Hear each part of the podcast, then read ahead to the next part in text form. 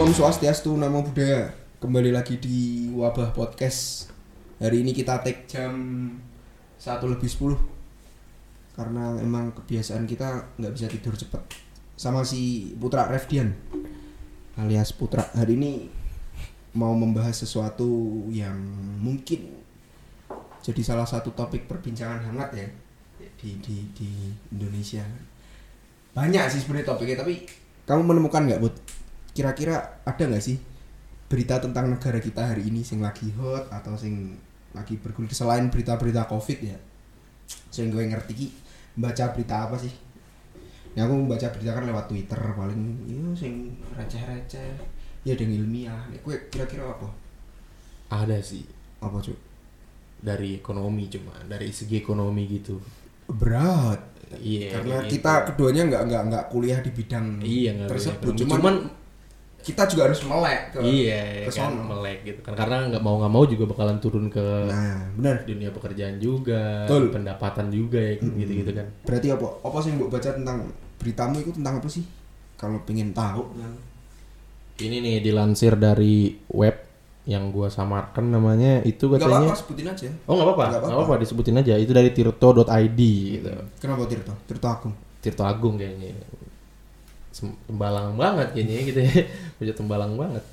Kenapa? itu katanya untung rugi Indonesia naik kelas jadi negara upper middle income.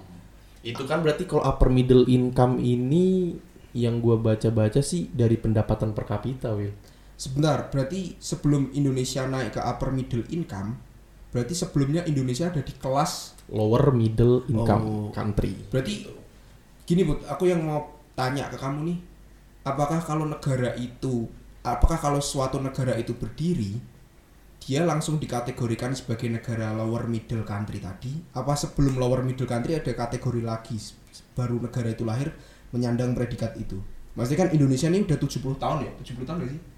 Oh, berapa? 70 lebih dong berarti 70 lebih ya sorry 70 lebih tapi 75 baru dong. 75 tapi 75. baru naik kelas ke upper middle income ah baru-baru ini naik itu kan Iya, baru-baru ini. Mungkin minggu ini kali ini kan dilansir dari Bank Dunia. Maksudnya dilansir Oh. dari Tirto ID dan dia mengkutip dari eh, mengambil info dari bukan kutip, nge- ngambil info dari Bank Dunia itu. Oh gitu. iya. Apa itu tadi pertanyaanku apa kalau memang negara baru langsung dikelasin ke lower middle country apa ada di bawahnya lagi? Kalau emang iya Indonesia berarti perjalanan cukup jauh loh, Cuk. 70 sekian tahun baru bisa naik kelas ke middle tadi. Ya kalau misalkan negara yang baru merdeka itu otomatis dia berkembang dong. Iya enggak sih? Ya, negara hitungannya negara berkembang. Negara negara berkembang pun ini Amerika 1000 tahun 1800-an yang setelah dia George Washington itu memerdekakan Amerika dari Inggris itu dia negara berkembang pastinya ya enggak sih? Iya, benar. negara berkembang dong. Dan yang otomatis dia pendapatan per kapita, pendapatan per kapitanya itu masih di bawah rata-rata. Mm-mm. Ya enggak? Iya. Ya emang semua pendapatan per kapita fluktuatif sih. Ada yang udah negara maju itu stabil yang dia udah umurnya udah lama. Oke, bisa sebut aja Inggris. Tapi bisa Jerman, gitu-gitu kan. Negara yang umurnya lama yang kategori ekonominya tuh stabil bisa nggak turun gitu? Ya bisa kalau ada inflasi. Hmm, ya, Iya nggak sih? Benar benar. Kayak gitu aja. Berarti inflasi. kita bukan orang ekonomi nih, cuman nalar eh, apa tuh eh, eh, mm, pemikiran recetek gitu ya gitu Iya. aja berarti kan. Dia turun, curam, berarti kan kalau setelah ada inflasi, ada apa suatu pergerakan ekonomi yang ke bawah secara besar ya dia Iya. pasti turun dong. Bener, pasti ya nggak sih? iya, pasti. impor mati, eh, eh impor ekspor mati. Benar, benar. Ya nggak sih? Nggak makmur, nggak sejahtera gitu ya. Berarti kan turun dong. Mau nggak mau kurvanya ya nggak sih? Nah, Kayak gitu kan.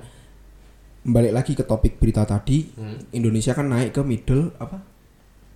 Upper middle income country. Upper middle income country. Ada untung, ada ruginya. Emang kalau emang untungnya apa, ruginya apa? Kalau memang naik kelas kan harusnya kan untung kan? Mungkin ini Kenapa si ruginya? Tirto ID ini bikin headline seperti ini tuh untung rugi Indonesia naik kelas jadi negara upper middle country. Oke, Indonesia sudah mulai berkembang menuju negara maju gitu kan. Nah, heeh. Nah, itu keuntungannya. Jadinya mungkin investor lebih banyak, Oh jadi apa lebih banyak. pandangan negara lain ke negara kita gitu ya? Iya dong. Itu karena se- penyandangan nama ini gitu. Iya penyandangan. Pasti otomatis pandangan orang jadi beda dong. Oh, Yes. oke. Nah, ruginya ini yang butuh harus kita kulik, Will. Nah iya makanya kenapa kok masih masih ada sisi ruginya di situ sisi, Pak? sisi ruginya itu di mana gitu Nah, maksudnya sisi kan ruginya di mana? Yang jelas Oh, kan kalau ada- kalau dipandang negara lain Indonesia perekonomian mulai naik, banyak investasi, berarti kan otomatis mendatangkan keuntungan kan. Mm-mm. Banyak kan negara lain yang mau pada invest, tapi sisi ruginya di mana? Masih apa sih yang menjadi beban Indonesia setelah Indonesia naik kelas ke middle ini tadi?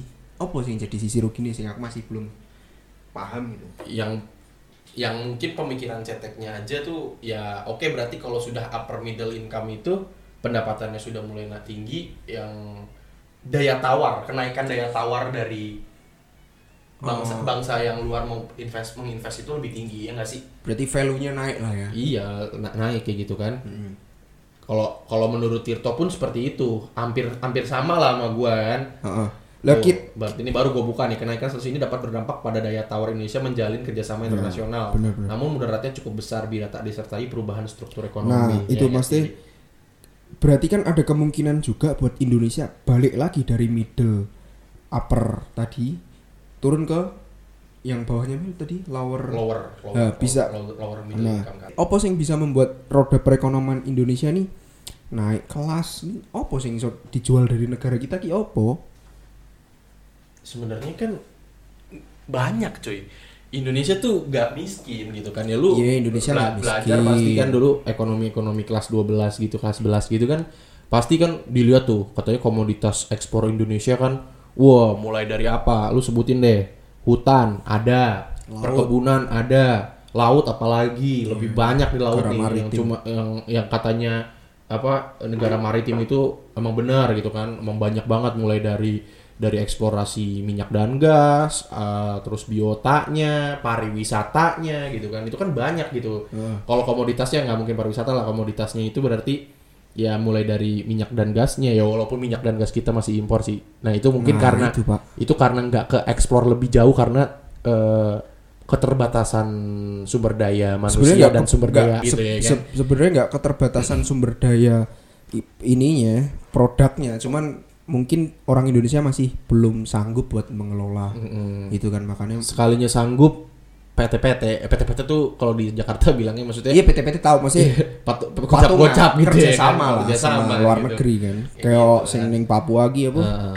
Freeport. yo yo maksudnya berarti kan masih kan berarti kan banyak yang dijual Indonesia buat memajukan roda perekonomian itu tadi kan Iya, banyak. Tapi tapi menurut pandanganmu nih, Indonesia bisa naik kelas, bisa stabil di middle tadi, apa malah bisa turun lihat situasi situasi Indonesia kayak gini menurutmu?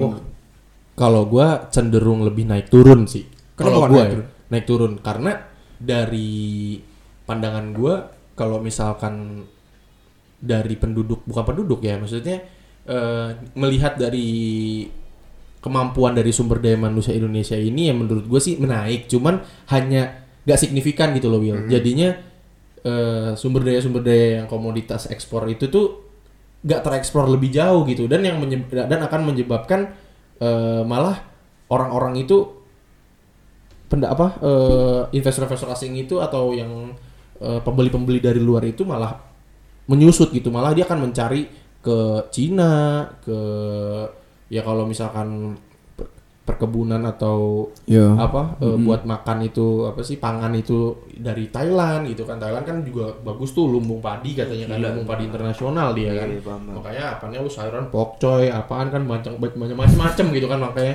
di Thailand itu nah itu bisa jadi kalahkan karena ya dari kesalahan dari kitanya gitu makanya kenapa Bung Karno suka bilang revolusi mental revolusi mental revolusi setelah kemerdekaan itu ya gunanya ini Will Revolusi mental itu kan itu. ideologi ideologinya yang diperbaiki kan. Cara berpikirnya. kan? cara berpikirnya gitu maksudnya kan ya orang makanya eh, suka eh, suka Ayo Soekarno apa Jokowi revolusi mental revolusi mental Soekarno dong Soekarno, ya. awalnya ya kan digaungkan lagi. Eh, digaungkan lagi gitu kan. Nah, gua denger deng- bukan dari orang yang nggak gua kenal malah ini gue denger dari ibu gua. Masa depan itu tergantung pola pikir kita gitu kan. Malah takdir itu yang bisa menentukan eh, ditentukan itu dari pola pola pikir kita gitu. Iya, ya oke takdir kan- kalau iya. kematian apa itu emang udah Emang itu ya, garisnya. Iya, kalau misalkan kekayaan, apa jodoh gitu-gitu kan dari tolak dari berpola pikir kita gitu. Pola pikir kita kayak gimana nih? Itu menentukan dari ke depannya gimana Ah, iya, gitu kan. Makanya kenapa suka digaungkan revolusi mental itu dari secara ideologi berpikirnya ya itulah. Mm-mm. Jadi makanya kalau sudah direvolusi atau sudah berkembang menuju yang lebih baik, merubah apa tuh eh, ada pergerakan secara p- signifikan dari eh, secara pemikirannya gitu ya. Pasti dari iptek dari mana pun ya pasti mendukung lah semuanya gitu kan. Nah, itulah jadi jadi maju semuanya gitu. Apa pun eh, Tapi- lancar-lancar aja, mulus-mulus aja Tapi gitu. emang yakin eh, pemerintah mendukung sepenuhnya kalau misal Indonesia mau bergerak ke per industri perekonomian yang lebih maju apakah pemerintah di negara kita ini mendukung kayak industri ini, industri ini kan dulu kalau sesimpel saya aku mikir aku nonton film B.J. Habibie dulu kan industri kenapa sih Habibie nggak bikin pesawat di Indonesia karena pemerintah waktu zaman zaman Pak Soeharto belum siap padahal waktu zamannya Pak Bung Karno digaungkan kalau mungkin 10 15 tahun lagi kamu belajar di sana pulang kita bikinan industri pesawat industri lain lah apakah itu bisa mungkin terjadi lagi di Indonesia pemerintah nggak nge-support nggak nge-support buat perkembangan iptek nggak perkembangan ini kayak ngono Udah terjadi sih. nah ya kan udah terjadi kan Ya itu eh, Ya, ya proyek apa prototipe pesawatnya almarhum Pak Habibie kan Heeh. terbengkalai itu yang terakhir. iya Ya nggak Ini sih? is- apa sih apa sih nama pesawatnya lupa anjing R80 kok RT. 30 Nissan Nah itu makanya kan itu aja udah mulai dikesampingkan gitu ya. Ya i- di samping isu-isu COVID gitu-gitu ya kenapa kalau Jerman, Amerika gitu-gitu yang bisa tetap aja jalan gitu loh. Iya, kenapa- Boeing, Airbus itu Kenapa kan memang jalan dia aja mau gitu kan. mau membuat negaranya sebagai negara maju, tapi kenapa pemerintah kita nggak nge-support gitu? Nah itu. Apa Nih, karena SDM-nya kita memang kurang? Mohon maaf, apa emang karena dananya nggak ada atau memang sebenarnya lebih menarik untuk untuk mengedepankan nggak dalam sisi industri ya Bobi kan aku masih bingung kan kenapa kok Indonesia punya pikiran Indonesia maju tapi kok segini-segini aja gitu Ya 70 kan, kalau yang masalah R80 itu kan urgensi katanya. Urgensi untuk eh, memperkembangkan industri itu kan dia memilih yang lain gitu ya. Uangnya itu di, di, ditanam itu bu- buat yang lain gitu kan. Mungkin karena ada Covid atau ada urgensi lain. Kenapa kalau di Amerika atau di Jerman Airbus Boeing itu jalan-jalan aja? Ya karena mereka emang sudah mapan dari dulu gitu. Sudah eh, revolusi industri, revolusi mungkin revolusi mental udah dari sejak dulu dia udah berpikirannya lebih maju dari Indonesia. Nah Berarti- makanya berarti karena- udah mendukung berarti untuk- umur negara juga juga berpengaruh ya harusnya berpengaruh. Ya beda hal dengan Malaysia sama Singapura. nah Nah Malaysia sama Singapura kan jatuhnya Commonwealth, ya kan. Jadi pas lagi kemerdekaan, eh, setelah dia merdeka itu masih digandeng gitu ya. Kalau gua kemarin nanya sih sama Grab di Malaysia itu bilangnya kalau udah apa udah apa eh, masalah infrastruktur gini-gini apa o- otomotif apa itu masih digandeng nggak sih kira-kira sama Britania masih digandeng kan sama negara apa tuh katanya kan ini negara persemakmuran. Nah, mereka jawabnya enggak, dia bilang enggak ini sudah mandiri ya. Itu karena mungkin menurut gue itu kayak dia oke lah membela negaranya. Masa ya dia bilang ini masih digandeng gini-gini? Gak mungkin dong. Hmm, Ya secara garis secara secara gampang aja kan kita nih suka ngeliatin mobil. Oke, Proton, lu lihat Proton. Nah, Proton itu kan masih gabungan sama Inggris. Gue lupa tapi apa industri otomotif eh, yang mana yang men- yang menggandeng Proton itu gue lupa.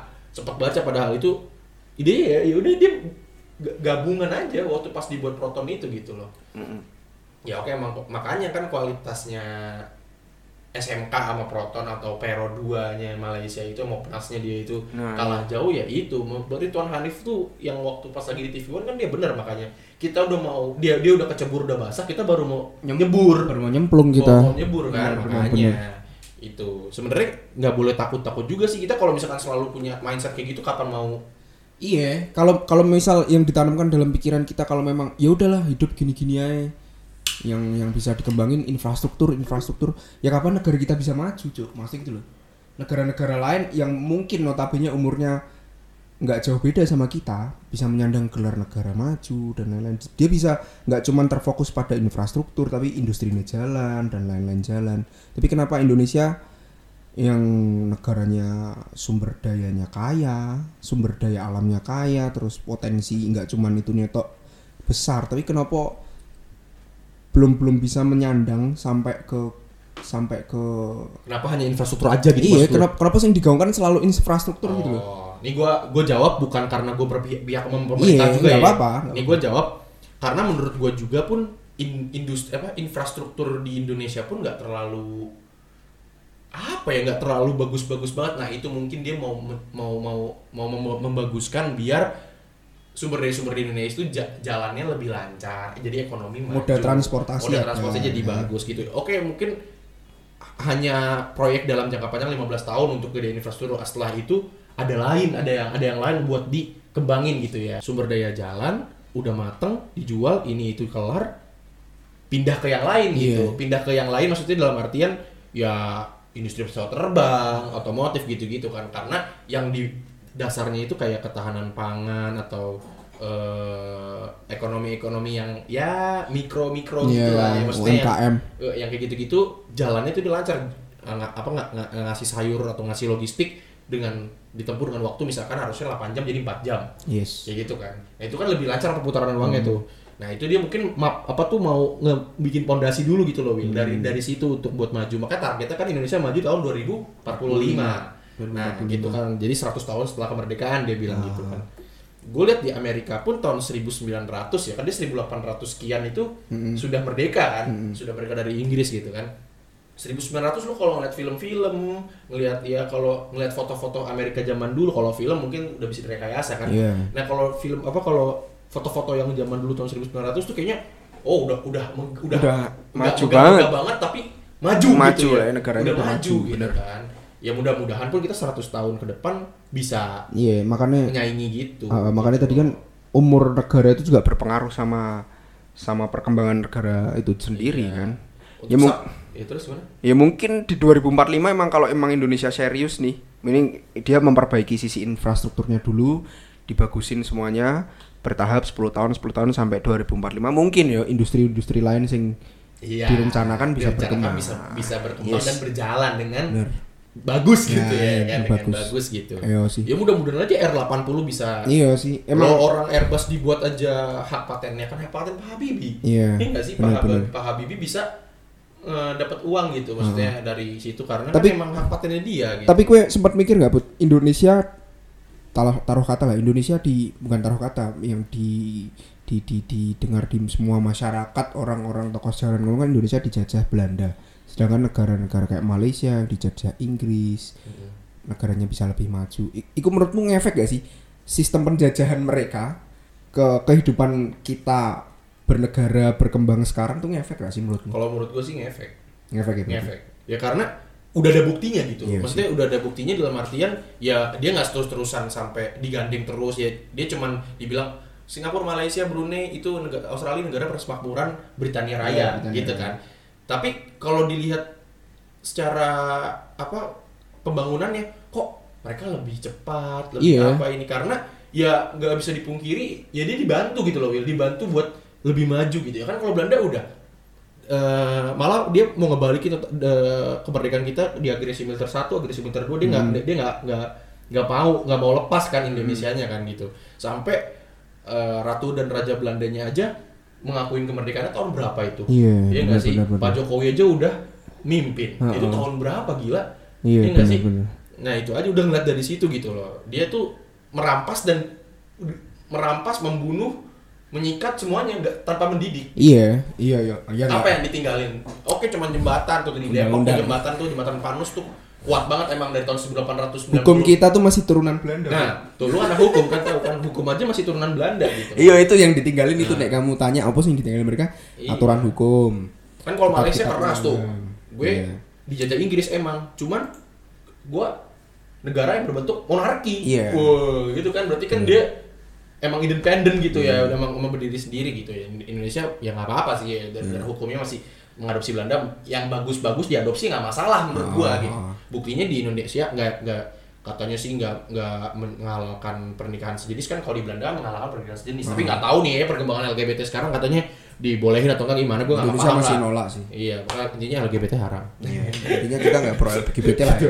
udah Iya, ribet-ribet gitu kan. Soalnya kalau ngomong tentang LGBT kan mungkin adat istiadatnya negara antar negara itu beda-beda bu. Kalau di Indonesia mungkin masih menjunjung sini sini jadi kayak belum belum siap gitu kalau LGBT emang menjadi suatu yang legal di negara kita kayak gitu. Iya kan, ya nggak nggak nggak ini juga sih maksudnya kan. Orang di Quran aja kan udah diciptakan buat pasang-pasangan. Nah, kan. itu. Iya, Enggak, enggak ini kan kita karena Islam aja jadi ngomongnya Karena Quran gitu mayoritas kan. penduduk di Indonesia memang muslim lah ya gitu Iya, ya. gitu. Nggak menjadi sesuatu sing di diiakan juga di di negara-negara sing mayoritas penduduknya Islam, Arab, setahu gue ya. Maksudnya nggak nggak godok tentang isu LGBT gitu loh. Iya, iya orang pasangan dari Timur Tengah, gue nggak tahu tepatnya negara mana. Itu dia nikah sejenisnya di Inggris, Pak. Ya kan, iya kan. Gitu. Iya. Berarti emang karena kita negara yang mayoritasnya muslim, jadi untuk menerima hal-hal seperti itu masih masih masih belum bisa lah. Entah karena mindsetnya atau gimana. Karena itu emang berbenturan banget sama agama, gitu. berbenturan karo sing ning Al-Qur'an. Iya. Balik. Tapi Arab sih pasti nolak lah, Will. Iya. Mau ditaruh di mana muka dia ya kan? Iya. Udah di situ ada dua kota yang disucikan ya. Ha- haram gitu ya maksudnya kan kota haram gitu ya apa Mekah Madinah itu kan nggak mungkin lah kalau misalkan dia dia men, men- ya nggak tahu lah kalau kalau rakyatnya kan tergantung pemikirannya dia gitu dia mau LGBT apa enggak ya itu pemikirannya dia. Cuman kan dari statement negaranya nggak mungkin lah dia ada LGBT mendisahkan gitu.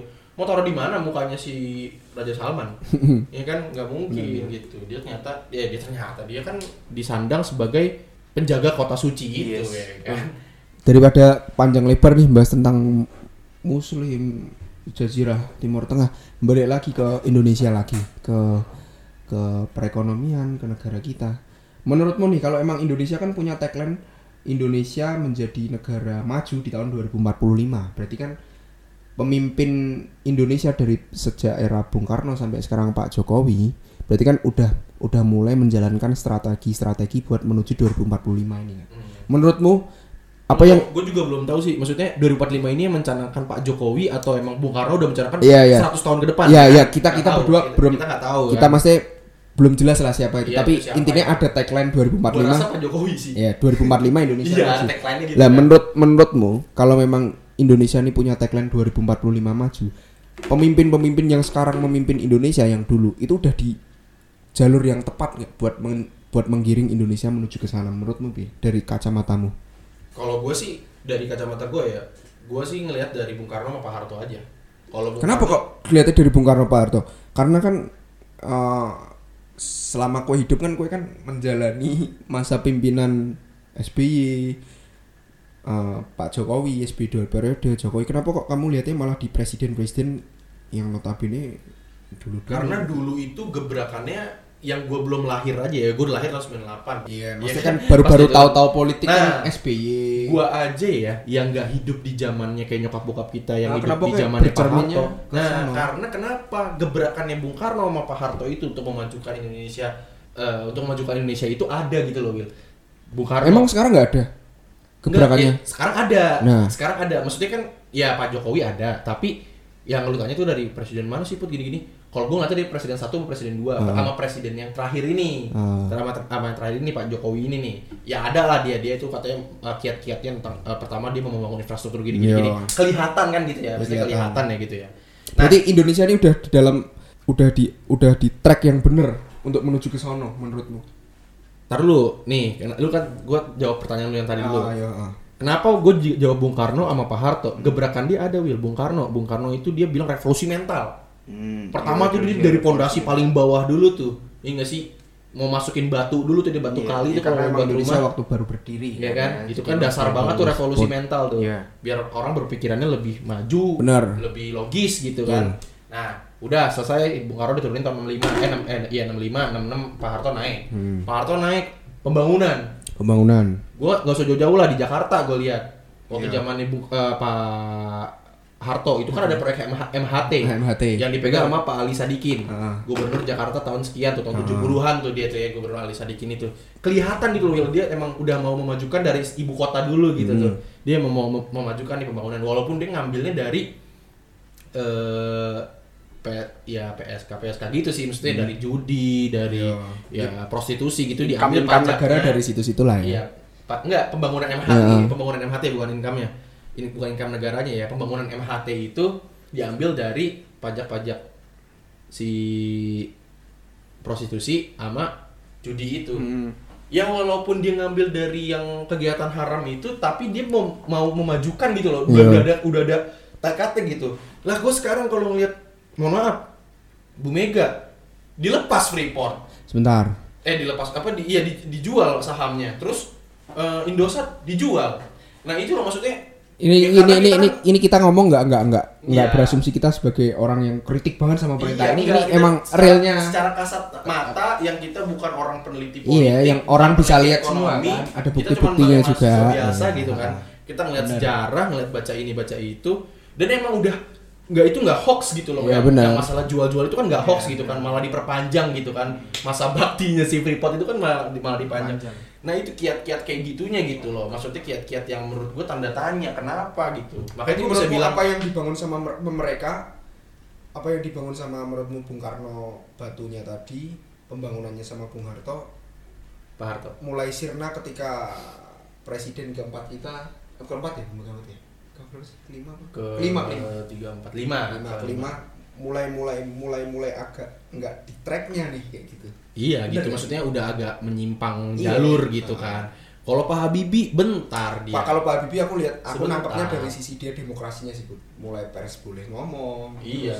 Dia dari segi kemanusiaan sama Iya. persnya emang mantep Iya. banget sih Makanya emang dia- Pak Habibie. makanya dia Dekat banget dia sama pers makanya kan. Nah, Sampai Salim Said, Profesor Salim nah apa? iya karena Salim Said itu karena emang kebebasan pers waktu eranya Pak. Karno sama Pak Harto emang sangat-sangat terbatas Iya. persnya ya pemerintah yang punya kendali buat mengendalikan media ya pemerintah iya sampai dari segi kemanusiaan aja dia ngelepas Timur Timur tuh ada alasannya loh Bil. iya paham paham, paham. Iya tahu tahu tahu ya Jadi- karena kalau kalau timur dipertahankan makan korban ribuan ratus Wah, udah ratusan ribu Iya, dari kan? tahun 80 kalau nggak salah, Iya. kalau nggak salah baca ya. Mm-mm. Itu kan Timur Timur udah memberontak gitu kan, karena Iya. emang dia awalnya Portugis gitu Iya. ya kan, dia da- da- dari Port- dari Portugis diambil, dia memerdekakan dari Portugis diambil sama Indonesia gitu. Iya. Nah, dia tuh nggak mau, dia maunya memberdirikan diri di negara dia sendiri. Udah dipertahanin gini gini gini gini malah makin banyak. Nah. Si Fretilin itu makin menjadi jadi gitu kan. makanya kan Pak B.J. Habibie lihat dari sisi kemanusiaannya di Iya, kan. orang Nggak- sampai Pak Habibie aja am- katanya sih kecot itu sama Ah. Bung Karno itu eh Pak Harto itu kan kecot gara-gara itu gitu Iya. kan. Kenapa dilepas enaknya aja Hmm. gitu. Ya, Pak Harto mungkin melihatnya asik bahas Orba. Pak Harto mungkin melihatnya ya eh jangan dong itu udah kita ambil. Iya, kenapa lu iya. enak-enaknya bu- lepas gitu aja gitu. Padahal Pak Habibie ngeliatnya dari segi pandang yang beda Iya, sudut pandang yang berbeda kemanusiaan. kemanusiaan kan? Daripada makin banyak makin banyak korban yang jatuh ya akhirnya dibuka lah referendum ya Iya, pasti kalau dibuka referendum itu ya Lepas. lepas lah orang orang di- ngebrontak dia Iya, kan benar-benar. gitu Iya berarti berarti kan sebenarnya pemimpin-pemimpin kita, iya balik ke pertanyaan yang awal tadi sebenarnya Indonesia udah di keep on tracknya, udah udah di tracknya ya untuk menuju ke sana menurutmu ya. kalau gua sih kalau nggak kacamata kuda gitu ya Iya. kacamata kuda kalau gua sih Kasarannya lah. kasarannya ya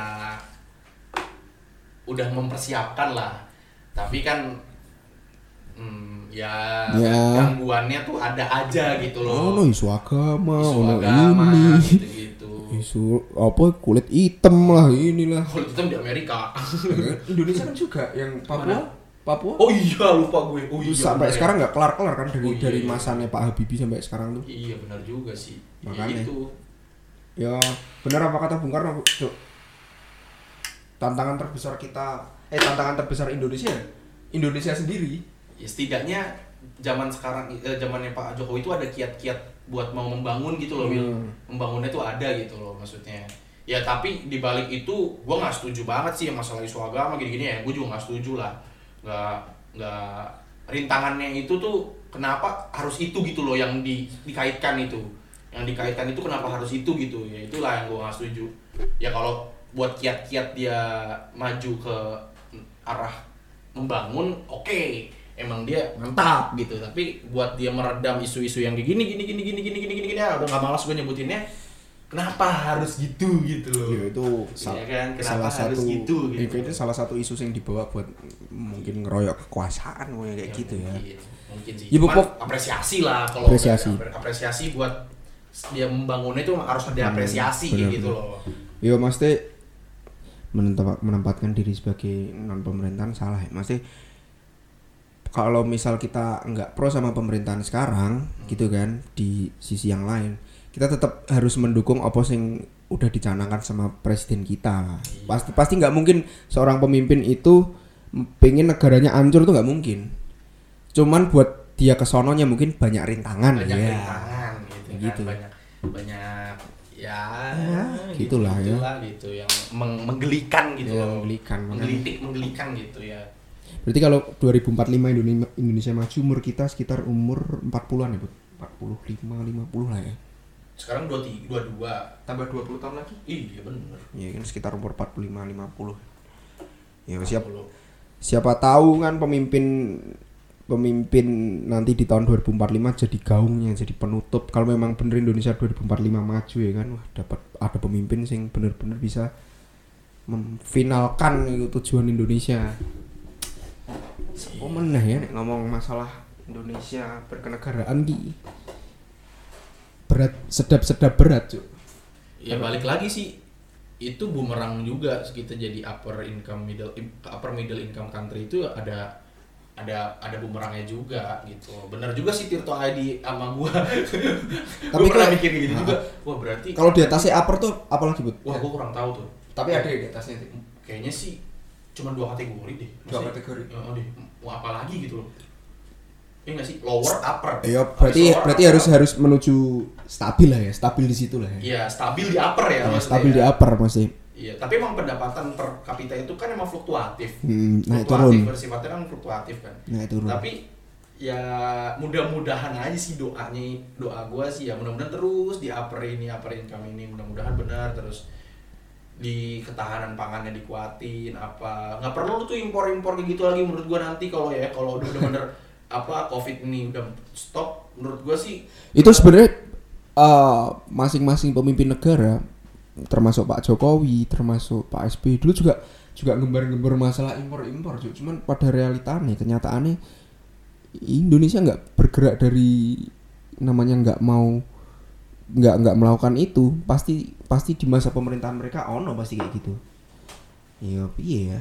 Ya mungkin ada dari pemimpin-pemimpin lama. Cuman mungkin yang sekarang ini lebih banyak gitu loh Will impornya tuh lebih gila-gilaan gitu Gila-gilaan, ya iya. kan oh iya tuh selain impor-impor TKA sampai TKA. gula diimpor bangsa. Will selain itu ya gula ya kan gula beras gitu-gitu kan gila gitu garam ya kan. Garam. pesisir kita bocah pesisir, gitu kan. Bro. Bocah pesisir gitu ya. Negara maritim apalagi TKA impor. kurang 200 juta manusia tuh kurang gitu kan nggak mungkin gitu ya. Mungkin itu buat menuju ke negara maju itu ya, karena mungkin dikurangin SDM-nya aja. Indonesia buat ngelola itu masih belum iya siap iya. Ngono sih. Cuman cuman jangan terlalu banyak lah buat datengin tenaga kerja asing gitu kan. Iya. Kalau menurut gue sih gara-gara utang kali ya Will ya. jadi kayak gitu ya. Ya nggak sih? Dia nge- ngebayarnya Indonesia dengan cara itu membuka TKA gila-gilaan itu. Ya nggak sih? Utang yang kelibet salah satunya. gitu ya kan? Tapi kalau kalau kalau ngomong masalah utang nggak utang kan banyak udah buat investor Indonesia yang udah masuk semenjak era Indonesia itu merdeka apa iya banyak invest asing yang datang ke sini masih belum bisa nutup utang kita malah kita tambah utang utang utang utang utang lagi kayak gitu? Ya itu karena ma- mau mau me- ma- masuki masuk ya. step step ke jenjang berikutnya kali ya. Jadi makanya utang makin banyak gitu dia nggak bisa mengendalikan gitu ya kan? Iya. ya itu karena dulu dari utang tuh tetap cuman jangan maksudnya utangnya jangan menggila gitu jangan jangan makin bertambah gitu. Utang pasti utang cuman jangan gila-gilaan gitu kalau utang. Iya semua negara juga ada utang lah ya. Iya semua negara ada utang. IMF tuh ada utang juga sih.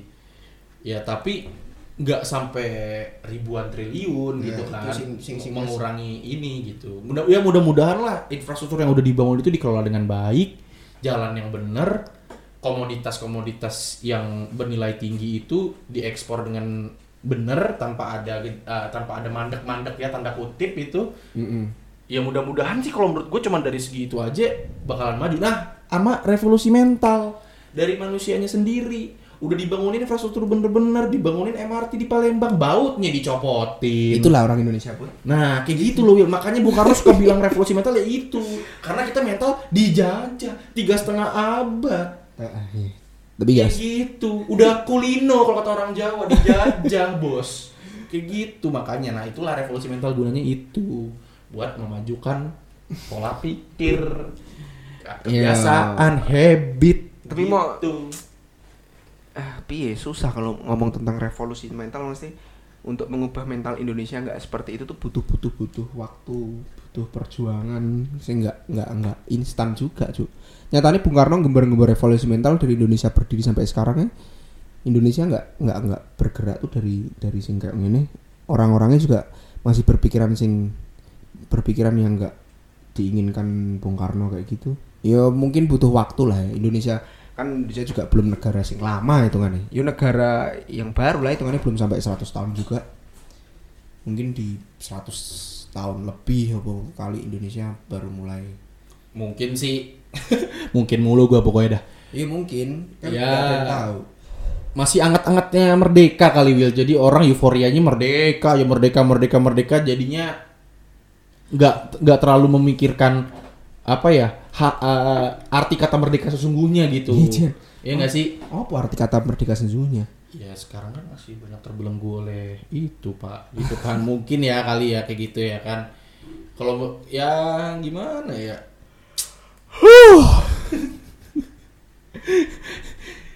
iya Tapi kan kalau lu tanya apa sih put? Kenapa lu bilang Bung Karno sama Pak Harto itu ada ini? Ya karena dia udah mencanangkan sesuatu yang wow gitu. Ada revolusi mental ada pembangunan ya kan? Wow tapi Indonesia masih belum siap. Iya setidaknya pemimpinnya itu ya percuma Will kalau cuma satu orang doang yang mau itu tapi kita nggak mendukung. Nah itu dia tugasnya kita anak muda yang ngedukung ya nggak sih? dia nggak sih? Ngedukung. Ya kita lupain lah masalah-masalah kakek-kakek kita gitu ya kan kita mungkin mereka nggak terlalu mendukung gitu. Jadinya cuman sebagai omongan belaka revolusi mental revolusi mental kayak gitu. Ya dari kitanya pak. Iya. gitu kan. Contohnya bangun pagi. Bangun pagi Will contohnya Will Eh, Ah, iya bener. Ini baru nyari nih revolusi mental biar gak salah ngomong nih aku. Lanjut. Revolusi mental membangun jiwa merdeka. Gila. Tuh, ya nggak sih? Keren cuy. Banyak yang beranggapan tuh banyak yang beranggapan revolusi mental kait-kaitan sama kiri sebenarnya gagasan dari revolusi mental yang aku baca sih oke oke aja Cuk. ya mungkin karena politik di Indonesia lagi meradang kali ya. Jadi alat buat goreng isu gitu. Terus apa lagi Bud, yang bisa dibahas dari berkenegaraan Oh, ah, ini sih. Yang belum terrealisasi itu eh, kata-katanya Kang Komar di Preman Pensiun, Will. Kenapa tuh Kang Komar Gue seneng banget sih, lagi seneng-senengnya gue nonton Preman Pensiun telat gue senengnya tuh. kenapa itu udah film lama Iya cuy, Dari- 2014 ya. dari SMA aku itu Ya itu, dia tuh pernah bilang gini, di bawah pemimpin yang baik, anak buah bodoh pun ada gunanya. Tapi di bawah pemimpin yang bodoh, pasukan terbaik pun kocar kacir. iya bener Nah sayangnya dulu dulu ya dulu di bawah pemimpin yang baik kan baik dalam artian kata dia itu untuk Tapi- cara diplomatis keluar dia oke gitu kan. Iya. gebrakannya revolusi mental. Apa karena orang Indonesia banyak orang bodoh? Iya tapi kan maksudnya di bawah pemimpin yang baik anak buah bodoh pun ada gunanya. Ada gunanya tapi kan sampai sekarang nggak terlalu berguna kayaknya gitu ya kan? Iya yang goblok makin goblok. Yang goblok tuh makin goblok emang emang kurang gitu nggak sadar sadar gitu loh. Kurs gitu. Iya, berarti SDM nya berapa nih? Ya, mungkin dari segi pendidikan, mungkin dari segi apa Indonesia harus bisa mengejar tapi Indonesia dapat menteri sing mau mengejar ke pendidikan yang lebih tinggi. Tapi di- baru gue ngeliat di teksnya pemerintah dia katanya stres nangani pendidikan di Indonesia. Menteri kita ya, Pak Nadiem. Udah Pak ngurusin GoPay sono. Iya, dicengin malah. Sebel aku juga. aku aku denger dia dia anu collab sama Sofia sama Andovi ngomong tentang Pendidikan di Indonesia. Setelah setelah dia dilantik jadi menteri malah dia ini yang diplankan dia. jadi buyar, Cok, karena ngelihat realita pendidikan di Indonesia nih susah buat diubah karena emang eh, satu mungkin dari turun temurunnya SDM ya ya ngono. Butuh ekstra nih buat Indonesia mengembangkan iptek pendidikan dan lain-lain kali ya ya semoga menteri-menteri kita sabar-sabar lah. Sabar-sabar ngadepin Indonesia. nggak sabar-sabar lah yang ngadepin Indonesia Ngadepin kita goblok berarti. Sih lu? ya kalau kita kan kita kan udah tahu maksudnya kita kan udah tahu kalau Indonesia tuh punya planning kayak gini harusnya kita kan menyupport kan mendukung kan nggak nggak nggak, nggak justru malah keluar dari tracknya itu kan kayak gitu Iya. semoga anak muda anak muda lain juga punya pikiran yang sama Amin, gitu. amin, amin. Ini kita juga buat sambukan buat kita juga sih. Kita udah ngomong kayak gini kalau nggak dilakuin kan soalnya nanti di 2045 yang duduk yang duduk di pemerintahan yang duduk di atas atas tuh bukan yang tua-tua ini cuk Iya, kita Iya bener kan. kalau kalau pikiran mereka anjing podcastku tuh tinggi positif sekali. Mesti kalau kita malah out of sorry Tom, sorry. Gara-gara gara-gara baca Tirto nih. Kalau kalau malah keluar dari itunya kan malah kasihan kan? Kasihan. Punya pertanyaan final nih bud. Nggak usah terlalu panjang punya pertanyaan final. Kalau misal Indonesia hancur hancur menurut definisimu lah hancur. Kue Hancur apanya? Eh, Maksudnya secara perekonomian hancur, ideologinya juga udah murat marit kacau. Kue masih stay di Indonesia apa enggak? Melihat misal di 2040 nanti anjing Indonesia gini amat sih. Dari dulu gini banget terus nggak ada yang berkembang, semuanya misal hancur, taruh kata hancur. Kue masih tetap tinggal sebagai orang Indonesia apa kue punya pikiran lain untuk kayak nggak bisa nih kalau aku tinggal di Indonesia nih aku harus cabut nih. Lebih baik memperbaiki daripada mengulang lagi. Berarti kue tetap stay di Indonesia ya? Maksudnya Setia lah gila, goblok, setia lah. Percuma gua setiap Senin apa nyanyi Indonesia Raya upacara. emang kue upacara setiap Senin? Upacara su, nggak nggak ngudut aku di belakang kirain ke UKS tuh upacara. Itu kalau gua udah tepar banget ya ke UKS. nah Nggak kok tepar banget anjir. Kok tepar banget ya ke UKS gitu. ya berarti itu pertanyaan final mau sehancur hancurnya Indonesia kita tetap apa pun Tetap cinta. Tetap cinta lah ya karena negara ini udah dibangun dengan banyak tumpah darah masuk kita tinggalkan seenaknya kasihan cuy aku kalau lihat kalau lihat Indonesia di zaman Ya, zaman dipotong. dulu Indonesia merdeka tuh kayak perjuangannya tuh gila banget maksudnya Iya, nggak usah jauh-jauh dah. Lah saya punya kakek. Dia dulu ke- apa kepala kantor pos siangnya, malamnya ngerek ini, ngerek eh, senjata dari sumur. Masa guanya guanya kayak gitu, apa Iya. tuh nggak mencintai kan? Digaji kantor posnya buat perjuangan. bener Iya nggak sih? Itu sumur isi bukan air, Will, senjata buat Iya nyuplai, sih. buat gerilyawan. Iya, Ini maksud- masa gue masa gue tolol. Iya, perjuangan mereka buat bikin Indonesia merdeka tuh udah gila-gilaan, Cuk. Masa kalau Indonesia di titik misal di titik paling bawah kita ninggalin. Iya enggak sih? Enggak tega sih ini aku. Nggak tega lah, Nggak lu dilahirin di mana emang? Berarti berarti untuk merubah semua itu harus terjun ke politik. Lu aja dah sama keluarga lu, gua kagak. Ya gua, gua, gua keluarga lu anjir. Gimana sih? Makanya goblok nih orang.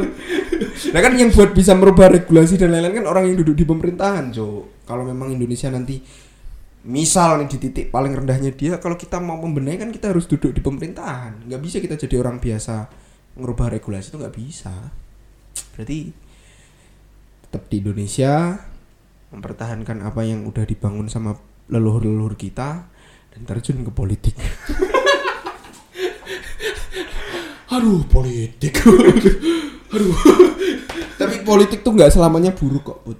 Eh ini kita nggak nggak ngebahas politik kan? Berarti Enggak. kan? Enggak. Ini tadi omongan kita nyerempet politik gak menurut lu? Enggak kan ya? Enggak, Enggak kan? Cuman kan pertanyaan finalku Lebih banyak faktanya kan yang kita omongin faktanya ya kan? emang. Kan kalau politik ngambang tuh, Iya. fakta kagak, opini kagak. Enggak Iya, sih? benar, benar. Ya, kalau ini kan fakta. Fakta. 75% omongan kita fakta. Cuma 2045 ya kita ngawang-ngawang. Iya. Bakalan jadi bener apa kagak kan? Iya.